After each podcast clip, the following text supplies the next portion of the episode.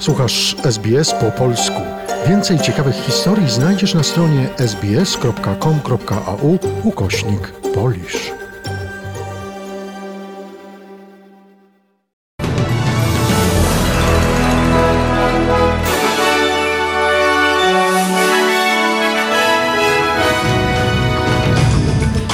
Dobry, przy mikrofonie Joanna Borkowska-Surucić. Witam Państwa w czwartek 9 czerwca i zapraszam na skrót przeglądu najważniejszych wydarzeń. Minister energetyki broni australijskich firm gazowych w obliczu rosnących cen energii. Zaginiony chłopiec na północnym zachodzie Sydney znalazł się zdrowy i cały. Siły rosyjskie przejęły kontrolę nad większością Siewierodoniecka. Prezydent Andrzej Duda rozpoczyna europejską podróż na rzecz integracji Ukrainy z Unią Europejską. Minister energetyki Chris Bowen broni australijskich firm gazowych, twierdzących, że nie ma magicznej różdżki w kwestii rosnących cen energii w Australii.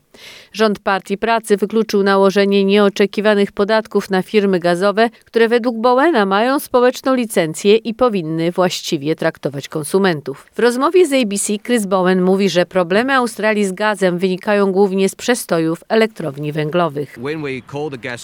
Kiedy zadzwoniliśmy do firm gazowych, odpowiedzieli, że gwarancja dostaw gazu została uruchomiona w zeszły wtorek wieczorem. Wszystko zadziałało, dostaliśmy więcej gazu, ale co do licencji społecznej, firmy gazowe muszą odpowiedzieć absolutnie powinny i muszą być świadome swoich krajowych obowiązków i zareagowali tak, jak tego rząd zażądał.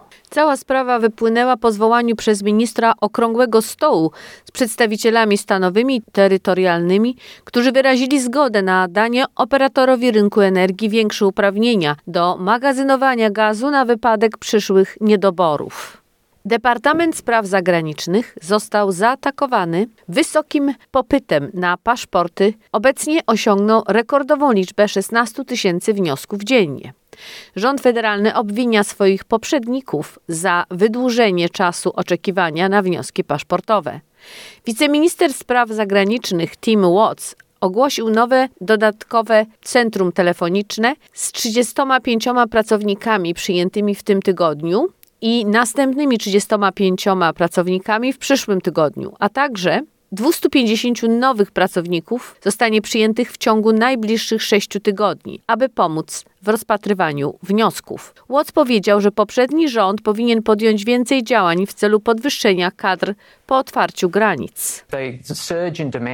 Wzrost zapotrzebowania, którego doświadczamy w ostatnich miesiącach, jest całkowicie przewidywalny i powinien zostać zaplanowany z wyprzedzeniem przez poprzedni rząd, abyśmy nie widzieli tego rodzaju scen, które widzieliśmy w tym tygodniu.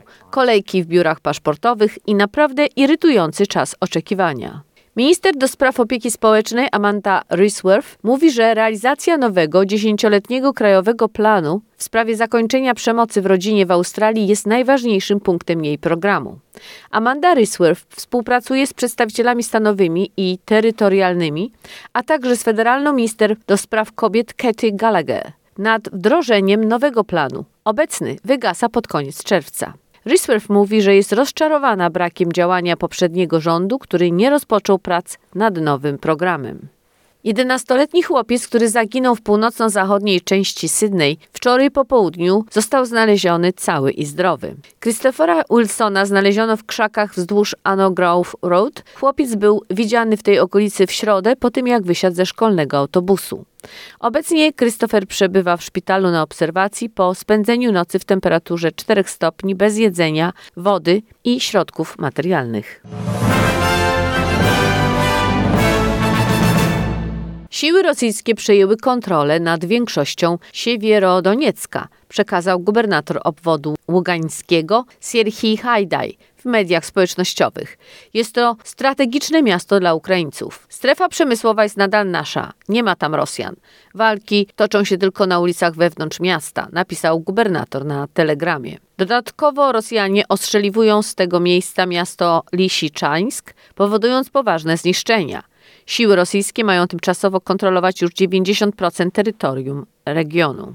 Według rosyjskich komentatorów niezależnych Władimir Putin stracił kontakt z własnym społeczeństwem i społecznością międzynarodową. Dlatego polityka Kremla opiera się głównie na zastraszaniu, zakazywaniu i stawianiu żądań, tłumaczą komentatorzy. Podkreślają też, że rządy w Rosji weszły w fazę charakterystyczną dla każdej dyktatury, gdyż niemal wszystkie decyzje podejmuje osobiście Władimir Putin. Portale Meduza, Mediazona i inne niezależne serwisy codziennie informują o represjach wobec przeciwników wojny i polityki Władimira Putina. W Rosji można trafić do aresztu za najdrobniejsze odstępstwo od propagandowej linii Kremla. W jednej z audycji Radia Swoboda politolog Dmitrich Oreszkin stwierdził, że Władimir Putin nie ufa generałom i osobiście podejmuje decyzje dotyczące działań na ukraińskim froncie, a także jest głównym propagandystą swojej polityki.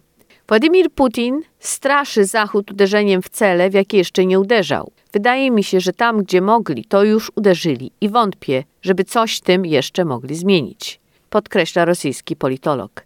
Wcześniej publicysta śledczy Christo Groziew stwierdził, że rządy Władimira Putina coraz częściej są krytykowane przez bliskich mu do tej pory biznesmenów, a także kontestowane przez przedstawicieli resortów siłowych. Prezydent Andrzej Duda rozpoczyna europejską podróż na rzecz integracji Ukrainy z Unią Europejską. Dziś wylatuje do Portugalii, następnie odwiedzi Włochy i Rumunię. Początkowo prezydent miał podróżować z prezydent Słowacji, ale Zuzana Ciaputowa zachorowała na COVID-19.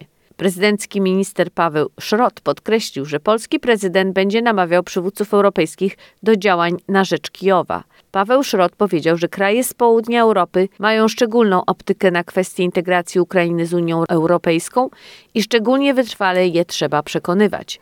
Prezydencki minister dodał, że trzeba też rozmawiać o transporcie ukraińskiego zboża na różne sposoby, nie tylko przez Polskę.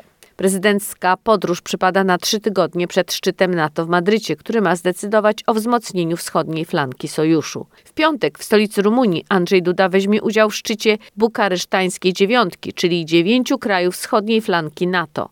W spotkaniu będzie uczestniczył także sekretarz generalny sojuszu Jens Stoltenberg, który ma zaplanowane dwustronne rozmowy m.in. z prezydentem Andrzejem Dudą. W Polsce Senat będzie kontynuował obrady. Izba zajmie się m.in. ustawą o kolejnym w 2022 roku dodatkowym rocznym świadczeniu pieniężnym dla emerytów i rencistów. To ustawa o 14 emeryturze. Rząd szacuje, że świadczenie to trafi do około 9 milionów osób. Koszt ma wynieść prawie 11,5 miliarda złotych. 14 emerytura ma być wypłacana od 25 sierpnia do 20 września 2022 roku. Dodatkowe świadczenie będzie wynosiło tyle, ile najniższa emerytura, czyli 1334 zł 88 groszy. Otrzymaliby ją emeryci i renciści, których wysokość świadczeń nie przekracza 2900 zł. W przypadku osób, których wysokość emerytury lub renty przekracza tę kwotę, będzie stosowany mechanizm złotówka za złotówkę. Z dodatkowego świadczenia nie skorzystają osoby, których emerytura przekracza 4000 zł. Senatorowie rozpatrzą ustawę o rolnictwie ekologicznym. Dostosuje ona polskie prawo do unijnych przepisów, między innymi w zakresie kontroli i nadzoru nad produkcją ekologiczną. Porządku obrad jest też nowelizacja prawa farmaceutycznego oraz ustawy o zawodzie farmaceuty. Zgodnie z nim farmaceuta i technik farmaceutyczny podczas wykonywania czynności zawodowych mogą korzystać z ochrony przewidzianej dla funkcjonariusza publicznego. I jeszcze wiadomość walutowa. Według ostatnich notowań dolar australijski jest wymienialny na 72 centy amerykańskie i 3 zł i 7 groszy. Skrót najważniejszych wydarzeń przygotowała Joanna Borkowska-Surucić.